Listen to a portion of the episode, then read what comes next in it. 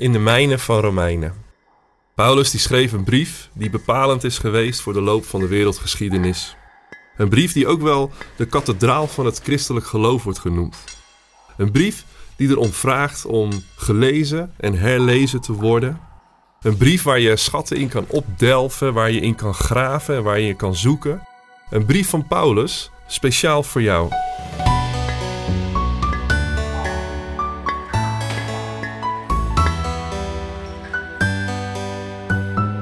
Gaan in deze podcast mijnen in Romeinen.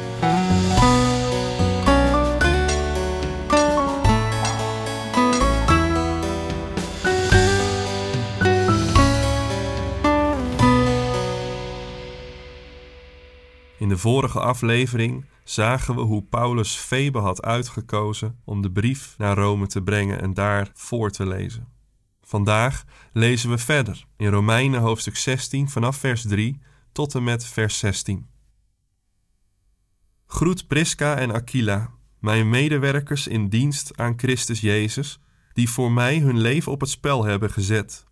Niet alleen ik ben hun dankbaar, maar ook alle gemeenten van de heidenen. Groet ook de gemeente die bij hen in huis samenkomt. Groet mijn geliefde Epenetus, die als eerste in Azië tot het geloof in Christus is gekomen. Groet Maria, die zich veel moeite voor u heeft getroost.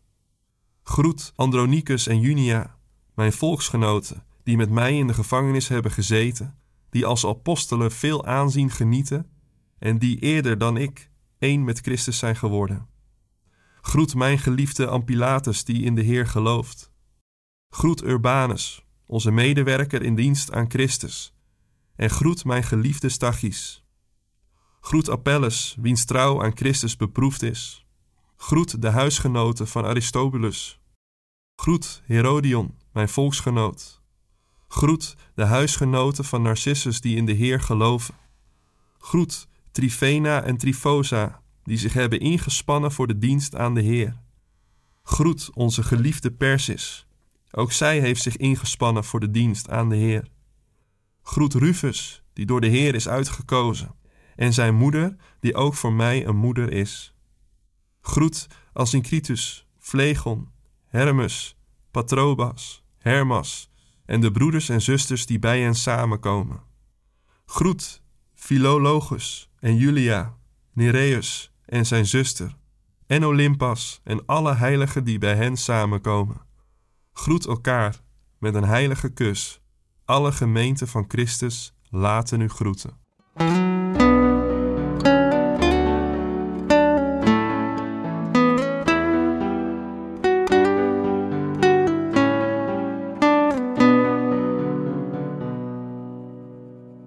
Niets dat zo samenbindt als een gemeenschappelijk doel. Ik ervaar dat onder andere in een intervisiegroep bevriende voorgangers, die ik elke twee maanden een paar uur ontmoet. Eens per jaar doen we twee dagen samen een retraite. We komen allemaal uit verschillende kerken: christelijk gereformeerd, PKN, Pinkstergemeente, Evangelische Gemeente, Baptistengemeente. Maar we geloven in de kerk en zijn positief en optimistisch over de kerk. We verlangen naar het werk en de tastbare aanwezigheid van God in de kerk van Nederland. We bemoedigen en inspireren elkaar met mooie verhalen over wat God doet. En we denken met elkaar mee in persoonlijke struggles of bepaalde casussen. En we bidden voor elkaar. Een machtig mooie groep, samengebonden door de geest in één missie. Het evangelie van Jezus Christus is voor iedereen. Dezelfde lading zit hem in de eindeloze reeks groeten van Paulus aan zijn kennissen. Een bijzonder rijtje mensen waarmee Paulus het evangelie verspreidde in de toenmalige wereld.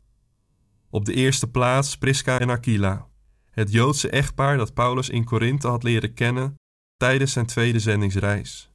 Ze waren uit Rome gezet door keizer Claudius en Paulus trok bij hen in en samen werkten ze voor hun levensonderhoud als leerbewerkers. Een mooi verhaal over Prisca en Aquila is dat ze Apollos ontmoeten, een ontwikkelde man, en onderlegde in de schriften die geestdriftig de leer over Jezus uiteenzette. Er schortte echter nog wat aan zijn dooponderwijs. Hij was alleen bekend met de doop van Johannes. Prisca en Aquila namen deze Apollos even apart en legden hem uit hoe dat precies zat, waarna Apollos zijn werk weer verder kon voortzetten. Geen splitsing of nieuwe kerk, maar elkaar even op weg helpen en hup, weer door, want het evangelie moet verder. Ondertussen zijn deze Prisca en Aquila weer terug in Rome, waar ze een huisgemeente hebben. En Paulus groet hen allemaal. Ook groet Paulus Andronicus en Junia, volksgenoten van Paulus, die hij apostelen noemt. Junia kan mannelijk of vrouwelijk zijn, net hoe en waar je het streepje op het woord zet in het Grieks. In de originele manuscripten stonden geen streepjes of boogjes, dus was het technisch gezien lastig om te achterhalen of Junia een vrouw was of dat dat Junias was, een man. Aangezien men door de geschiedenis heen van mening was dat een vrouw nooit aangesproken kon worden als apostel, werd Junias vaak geschreven als mannelijk. Probleem echter was dat er in heel Rome van die tijd geen bewijzen zijn gevonden van mannen met die naam. Wel zijn er honderden gedocumenteerde vrouwen gevonden met de naam Junia. Ondertussen is er geen vertaler, tekstgeleerde of lexicograaf meer die meent dat Junia een man was. Andronicus en Junia waren blijkbaar een echtpaar die als apostelen werkten. Dat wil zeggen dat ze rondreizend het evangelie verspreidden en gemeenten stichten. De lijst namen laat zien waar de gemeente te Rome uit samengesteld was en geeft een beeld van haar dragende en leidende personen. Enerzijds is er een bepaalde balans tussen Joodse namen en namen afkomstig van andere volken. Ook zijn de meeste namen te herleiden tot namen die onder veel slaven of voormalige slaven voorkwamen. Buiten Julia ontbreken specifieke Romeinse namen. De gemeente te Rome was dus een diverse club mensen die vanuit verschillende achtergronden elkaar moest vinden in Christus. Gezien de hoeveelheid tekst die Paulus in zijn brief heeft besteed aan het belang van het eren van elkaar, kunnen we afleiden dat dit niet altijd makkelijk was. Ook vandaag is de kerk nog een van die weinige plaatsen waar mensen van allerlei achtergronden elkaar ontmoeten. De gemeenschappelijke missie die we hebben om het koninkrijk van God zichtbaar te maken aan de mensen om ons heen en hen bekend te maken met het verlossing en vernieuwingwerk van Jezus Christus, kan ons boven die onderlinge verschillen uittillen.